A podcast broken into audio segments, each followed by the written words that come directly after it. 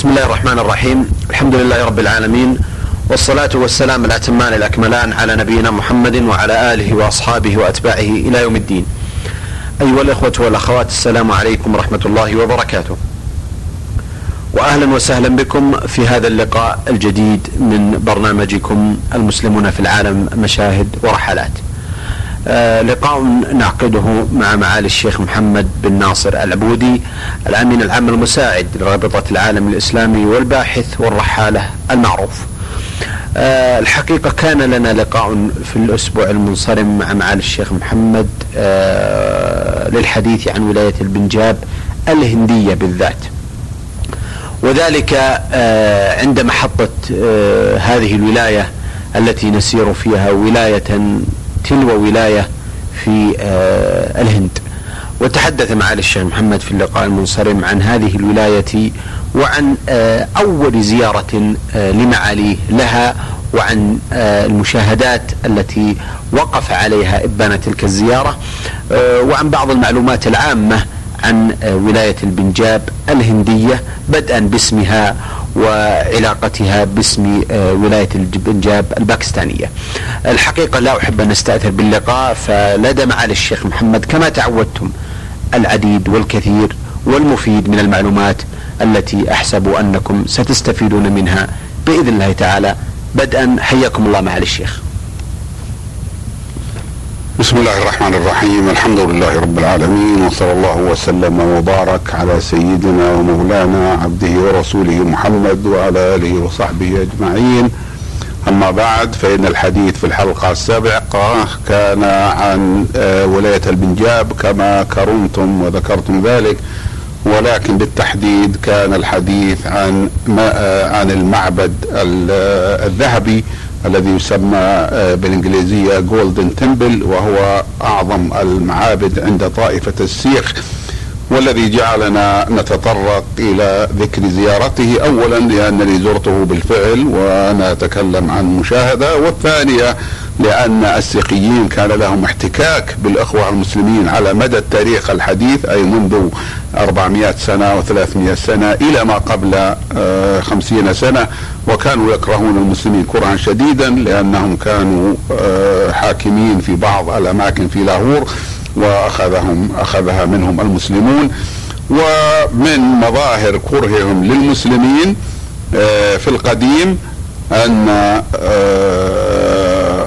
أنه من طقوس السيخي التي يجب أن يحافظ عليها الا يمس شيئا من شعره أي بأن يترك جميع شعر جسمه سواء كان شعر اللحية أو شعر الرأس أو شعر الجسد ونحن بطبيعة الحال لا نرى إلا ما هو ظاهر فلكن ولكن لا لا يجوز له يمس شعرا ليمس شعرة واحدة بالقطع أو الحلق لماذا؟ قالوا لأن أحد من يسمونهم أنبياءهم وهم زعمائهم الدينيين أظن هو التاسع أو العاشر والعاشر هو الأخير احتك بالمسلمين في لاهور وقد حصلت مشاغبة من السيخ على ملك المسلمين فأثخن بهم وقتلهم فقال هذا الذي عندهم يسمعون كلامه يسمونه نبي أحد أنبيائهم قال إنه لا يجوز لهم لسيخين أن يحلق أي شعرة من جسده إلا بعد أن يفنى المسلمون من على وجه الأرض. يجب على السيخ أن يقاتلوا المسلمين ويفنوهم على وجه الأرض وأن يبقوا على حالتهم شعرهم هكذا معفي ومشعث إلى أن ينهوا الوجود المسلمين من على وجه الأرض. وقد خيب الله ظنه فالمسلمون يزدادون وشعور السيق لا تزال باقية عليهم. يراها أي شخص منهم وهي تكسو وجوههم ورؤوسهم وتؤذيهم بأشياء كثيرة. وقد صار من العرف الديني حتى إنه لا يستطيع أحد منهم أن يخل به أن يحافظوا على عمامة خاصة تسمى العمامة السيخية ذات لف أي ذات هيئة خاصة. ومع هذه العمامة عدم اللمس أي شعره من شعورهم فرأيتهم يكافحون طول اللحية بأن يجعلون اللحية جديلتين أي يفتلون نصفها ويعقدونه بشعر الرأس مرورا بالأذن. والثانية مثلا الأيمن والثانية اليسرى يعقدونها يجعلونها ضفيرة كضفيرة البنت الصغيرة ويعقدونها بالشعر من جهة الأذن اليسرى. هذا هو الأغلب عندهم وبخاصة من تطول اللحى عندهم. وقال إنه يجب من خصائصهم أيضا لبس السوار. فتجد كل هندوكي على يده سوار ولكن العمامة هذه لازمة لهم حتى إنني رأيت شيئا عجبا وهو أنني عندما كنت في فندق اسمه فندق International في آه، أمرتسر وكانت غرفتي في الطابق الثالث وتشرف على آه، بيوت لهم وهذه البيوت فيها أفنية أي أحواش آه، مكشوفة فرأيت أطفالهم الذين من سن الخامسه والسابعه والثامنه يلعبون في الحوش داخل البيت وعليهم العمامة السيخية لا يتركونها حتى في بيتهم. ونحن نرى السيخ الذين قد يأتون إلى بلادنا وهم موجودين في الخليج. نراهم متمسكين بهذه العمامة ومتمسكين بالأسورة. والشيء الذي تخلوا عنه من شعارهم القديم هو الخنجر. فقد كان يأمرهم آه، زعماؤهم أن يضعوا خنجرا ولكنهم آه، تركوها الآن. آه، هؤلاء السيخ كانوا يبغضون المسلمين وكان المسلمون يبغضونهم ولكن عندما حصلت المشكلة الكبيرة بينهم وبين الحكومة الهندية ودخل جنود الحكومة الهندية إلى معبدهم الذي يقدسونه وهو المعبد الذهبي آه وقتل منهم آه مقتلة عظيمة وكذلك هم قتلوا من جنود الحكومة الهندية وكذلك من الهندوس مواطنيهم مقتلة عظيمة جعلهم هذا آه، ينصرفون إلى المسلمين أو ينصرفون عن الهنادك إلى المسلمين. فصاروا مثل المسلمين يدا واحدة ضد آه، الهنادك. هذا هو تاريخهم القديم. أما مذهبهم فإنه مذهب عجيب لأنهم اولا يدعون أنهم يعبدون الها واحدا ولكنهم بعيدون من المسلمين. وكذلك ومن آه، المفارقة من الأشياء اللي تفرق بينهم وبين المسلمين أنهم يشربون الخمر ويستحلونها ولكنهم كما قلت دينهم دينهم ليس دين آه، أوثان. وقد حملني على الحديث عن طائفة السيخ أنهم هم الطائفة الأكثر في الهند بعد الهنادك الذين هم لهم الأغلبية الطائفة الدينية لهم الأغلبية وإن كان الهنادك آه، ذو مذاهب متعددة متخالفة حتى إن بعضهم يكفر بعض ولكنهم كلهم يزعم ويقال أنهم هنادك. ويليهم المسلمون حيث يؤلفون نحو 12% من السكان. ثم يأتي بعد ذلك السيخ الذين قيل إنهم يؤلفون ما بين خمسة يعني نحو خمسة بالمئة من جميع سكان الهند. يليهم في ذلك المسيحيون الذين يؤلفون ما بين مليونين ما بين اثنين وثلاثة بالمئة والأغلب أنهم لا يصلون ثلاثة بالمئة. ثم بعد ذلك يأتي البوذيون الذين يشكلون واحد ونصف بالمئة من سكان آه الهند. وهذا هو الذي جعلني أتكلم على آه، هؤلاء السيخ وأبين ما رأيته من عبادتهم في آه، معبدهم أو في أكبر معابدهم واقدسها عندهم وهو جولدن تمبل أو المعبد الذهبي. أحسنتم معالي الشيخ محمد. ثبكم الله معالي الشيخ. معالي الشيخ محمد بعد هذه المقدمة التاريخية الموثقة والمهمة آه، عن ولاية البنجاب آه، عموما. آه، الحقيقة يجدر أن نتحدث عن صلب حديثنا وهو ما يتعلق بأوضاع المسلمين هناك. وقفتم كعادتكم في زياراتكم على الشيخ محمد عن كثب وعن قرب على أوضاع المسلمين هناك واطلعتم وتجولتم على كل ما يتعلق بشؤون المسلمين. فكيف كانت هي الأحوال هناك؟ إبان تلك الزيارة ثم ما آلت إليه الآن أوضاع المسلمين فيها. وضع المسلمين في أمرتسر مؤسف جدا لأنها خلت منهم تماما بعد أن كان للمسلمين أهمية فيها والطبيعات فيها بعض كتب الحديث ومن الأهمية فيها أن أكبر مسجد ربما يكون أكبر مبنى في السوق سوق البيع والشراء الرئيسي حيث كان المسلمون لهم متاجر عظيمة وكانوا يسهمون في إدارة هذا السوق. جامع اسمه جامع خير الدين. أخبرني به أخواننا من أهل كشمير وقد تغديت عندهم في مطعمهم فأركبوا معي آه، شخصا ودلني عليه. وهذا المسجد وجدته شامخ البناء له منارتان شامختان عظيمتان وقد بني قبل 270 سنة ويسمى مسجد آه، خير الدين. وقد وجدت هذا مكتوبا عليه مكتوب خير الدين جزاك الله في الدارين. جامع خير الدين جزاك الله في الدارين يعني جزاه الله في الدارين. وعليه تاريخه والمسجد آه، كبير وفيه مرافق وفيه ملحقات ولكن مع الأسف الشديد لا صليت الظهر فيه ولم يصلي معي إلا ستة مع الإمام والإمام كان يأتي متثاقلا فسألت عن المسلمين فذكروا أنه لا يوجد مسلمون من أهل امرتسر وإنما يوجد فيها الآن بعض المسلمين الذين جاءوا إليها من ولايات هندية أخرى وبخاصة الولايات المجاورة كولاية يوبي هذا اختصار اسمها وإلا اسمها الكامل هو إترا برديش بمعنى الولاية الشمالية. ففيها بعض المسلمين وعددهم قليل وكذلك يوجد أناس آه، من كشمير وسألت عن المساجد فذكروا أن المساجد كلها ستة في أمرتسر ولكنها مساجد فاخرة البنيان وواسعة ولها أهمية كبيرة ولذلك اعتبرتها الحكومة الهندية عندما ترك المسلمون أمرتسر وتركت هجرت هذه المساجد اعتبرتها آثار آه، عظيمة واعتنت بها ولكنها مغلقة ولكنها حافظت عليها لامور الأمر الأول إنها من الثقافة الثقافه تمثل ثقافة البلاد آه، الأصيلة. وثانيا أنها أماكن أثرية. وقيل لي الآن إنه قد فتح منها اثنان للصلاة أحدهما وأولاهما جامع خير الدين الذي ذكرته وتصلى فيه الجمعة. والثاني مسجد آخر تصلى فيه الصلوات الخمس. وأما الأربعة البقية فهي مغلقة. وقد بلغني أنه قد فتح واحد أو اثنين بعدما زرتها بسنتين أو ثلاث.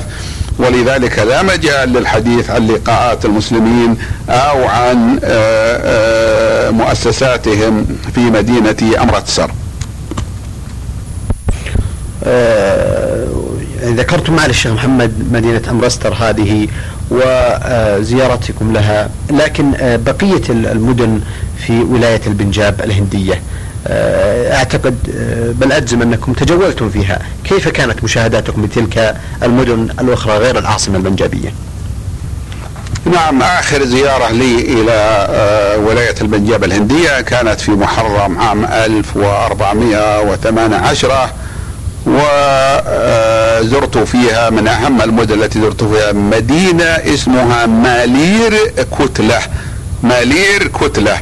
هذه المدينة لم يهاجر أهلها إلى الباك إلى باكستان لأن حاكمها القديم والذي كان يحكمها الذين كان يحكمها هو مسلم والمسلمون لهم سلطان وقد حمى المسلمين فيها والمسلمين فيها كان لهم أهمية من ناحية العدد ولكن كان يوجد فيها سيخ ويوجد فيها هنادك فالمسلمون ليسوا الأكثرية من سكانها ولكن لهم السلطان ولهم الدولة.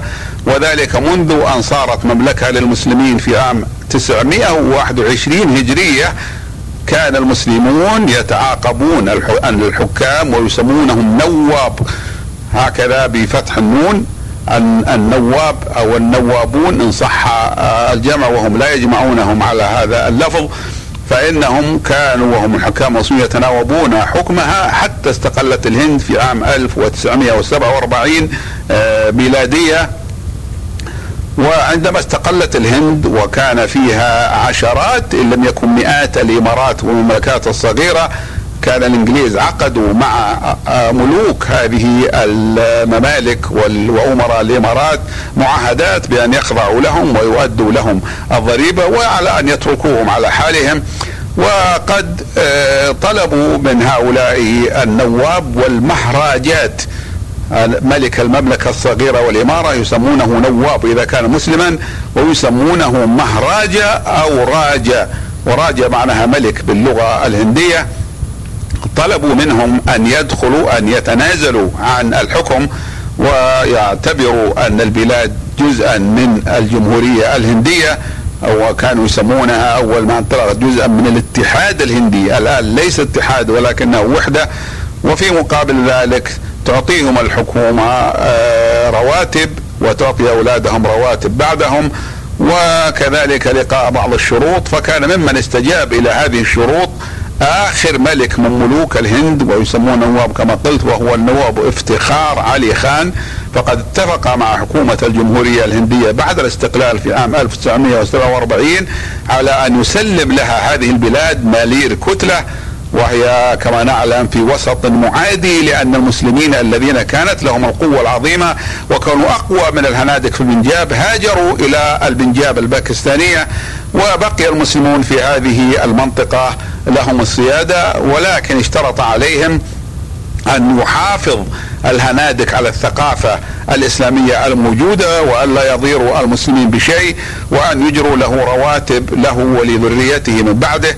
وقد اتفقت الحكومة وافقت الحكومية على ذلك وعقدت مع وعقدت معه اتفاقية وأصبحت البلاد جزءا من الجمهورية الهندية وبذلك انتهى الحكم الإسلامي. ومثل مثلها في ذلك مثل آه، آه، مملكة بهوبال فآخر نواب لها عمل مثل هذا العمل في عام 1947 وكان من بين اشتراطاته على الحكومة الهندية مثلا أن تكون آه، بهوبال هي عاصمة ولاية مدها برديش التي هي الولاية الوسطى وأن لا تمس الحكومة أوقاف الهنود ولا مدى أوقاف المسلمين فيها ولا مدارسهم ولا عادات المسلمين وأن تبقي الثقافة الإسلامية فاتفقت الحكومة الهندية معها على ذلك. وهذا خلاف ما عمله آه، آه، ملك أو نواب حيدر أباد الدكن فإنه لم يرضى بهذا الأمر ولم يرضى أن تسيطر الحكومة الهندية التي أغلبها نادك حكومة الجمهورية الهندية على آه، بلده فأراد يحاربهم ولكنهم كانوا أقوى منه فأخذوها عنوة واحتلوها بدون أن يكون هناك معاهدات تربطهم بأن يبقوا على الأوقاف الإسلامية أو على الثقافة الإسلامية فيها.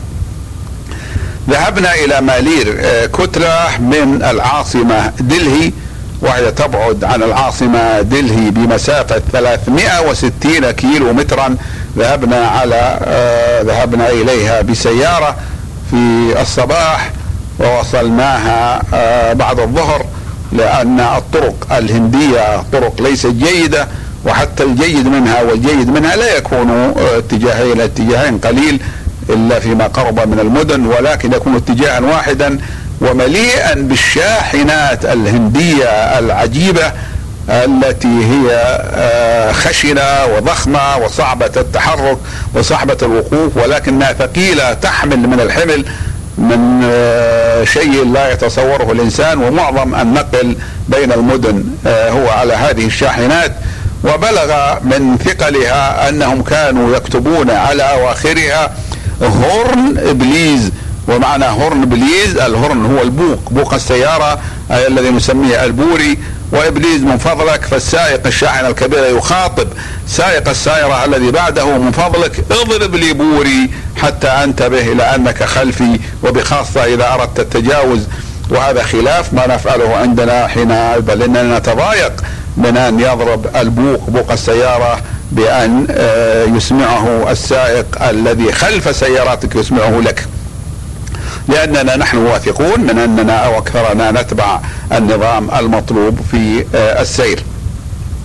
ذهبنا إلى مدينة مالير كتلة كما قلت وهي تبعد 360 كيلومترا ووقع في البنجاب ذهبنا إليها من دلهي ودلهي ليست ولاية كاملة وإنما هي منطقة اتحادية.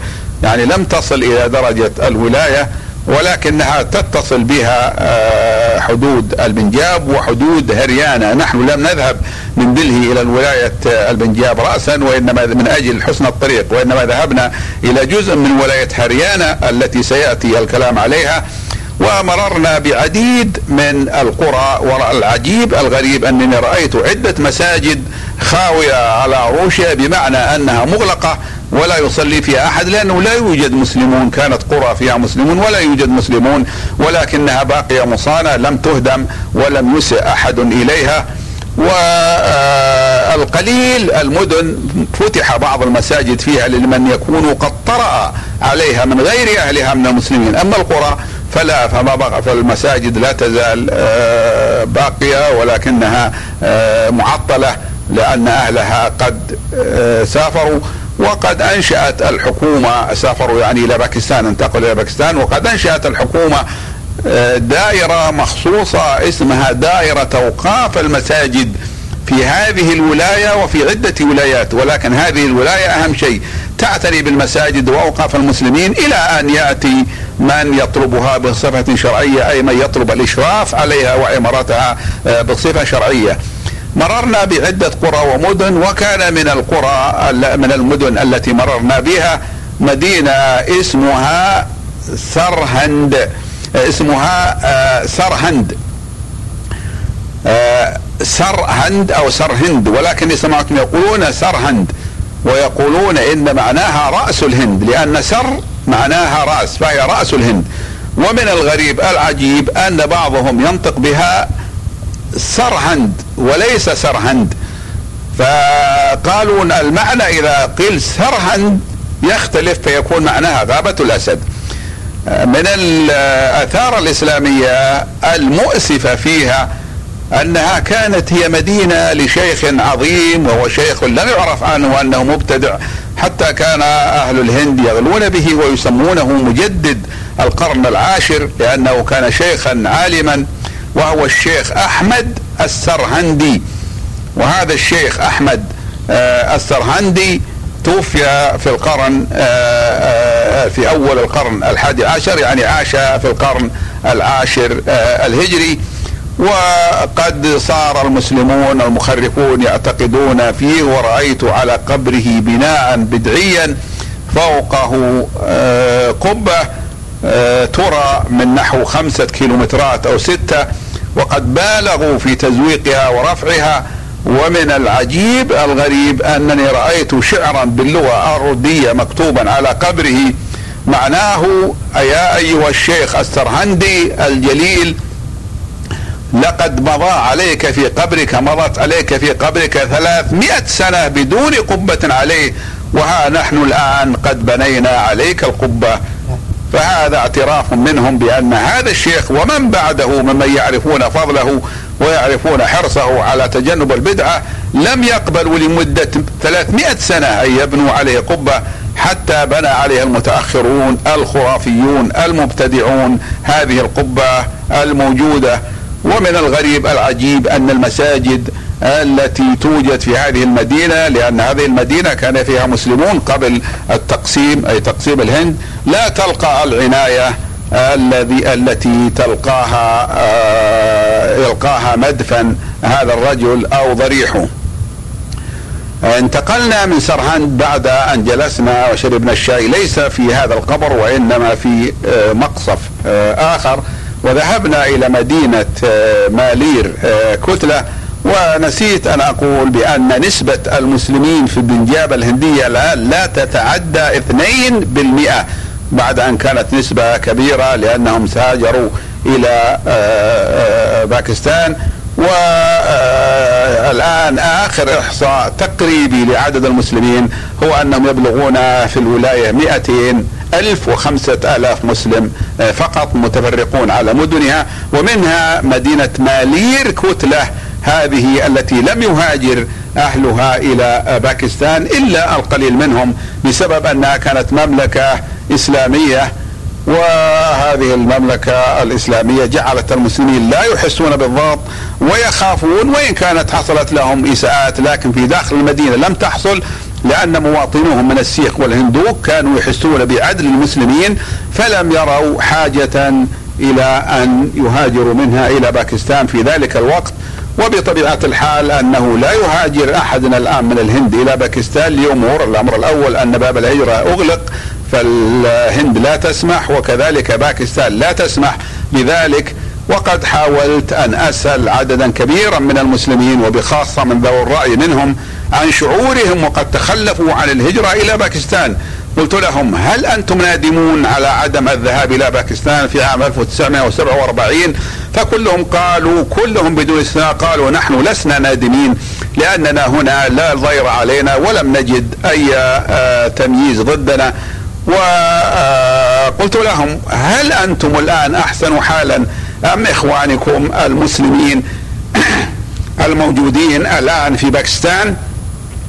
فقالوا نحن لا نعرف حال إخواننا المسلمين ولا يذهب أحد منا إلى باكستان ولذلك لا ندري ولا نستطيع المقارنة ولكننا نقول إنه لا ضير علينا ولا بأس الآن في هذه البلاد الهندية ونحن يقولون تعرف أنها بلادنا وبلاد آبائنا وأجدادنا ولا نعرف لنا بلادا غيرها قبل ذلك. آه، عندما وصلنا إليها كان الإخوة المسلمون هناك عندهم معرفة بأصولنا فنظموا حفلة كبيرة وجمعوا إليها الدعاة وجمعوا المسلمين وأعلنوا عنها فاجتمع آلاف في مكان آه، واضح معهد عندهم معهد حكومي ولديهم معاهد إسلامية كبيرة ولكن هذا معهد مجهز بمكبرات الصوت وغيره لهذا العدد الكبير وقد خطبت فيهم خطبة طويلة لا أريد أن أستعرضها. لأنه ربما آه، لا يرى بعض الإخوة المستمعين فائدة في آه، استعراضها. ولكنني أقول إنني زرت أماكن في آه، عدة مؤسسات في مالير كتله للإخوة المسلمين من مساجد ومن مدارس. كما زرت معهد الإمام ثناء الله الامرت سري وقد أنشأ وهو معهد ديني خيري أنشأ المسلمون بجانبه مصنعا لصناعة مكاين الخياطة ليدر الربح على هذا المعهد. وقد رأيت في آه، مالير كتله آه، مكانا ضخما أيضا اجتمع فيها المسلمون وعملوا لنا في حفلة كبيرة وهو مصلى العيد. عجيب واسع وعظيم وفيه آه، رخام كثير وفيه قباب أربع في نواحي الأربع قباب كل واحد منها عليه الهلال والنجمة. وهذا هو شعار المسلمين كما يعتقدون وقد زينوه بالزهور وهو عجيب جدا مع أنه آه، مقام على التبرعات ولكن الأخوة المسلمين هناك أقوياء وينفقون على المشروعات الدينية نفقات آه، طائلة. أحسنتم أثابكم الله. معالي الشيخ محمد في الحقيقة آه، لا أملك في ختام هذا اللقاء الذي كان بودي أن أستزيد منكم الكثير من المعلومات المهمة عن آه، الهند وأوضاعها وأوضاع المسلمين فيها خصوصا إلا أنني آه، أرى أن وقت الحلقة يداهمنا ولا يسمح لنا بمزيد من ذلك. على أنني أعد الإخوة والأخوات من المستمعين والمستمعات أن يكون لنا تواصل بإذن الله تعالى مع معالي الشيخ محمد بن ناصر البودي الأمين العام المساعد لرابطة العالم الإسلامي ليواصل أحاديثه الشيقة والماتعة عن مشاهداته وتفقداته لأوضاع المسلمين في العالم. نلقاكم بإذن المولى على خير في مثل هذا اليوم من الأسبوع القادم وهذه تحية من محدثكم محمد بن عبد الله مشوح والسلام عليكم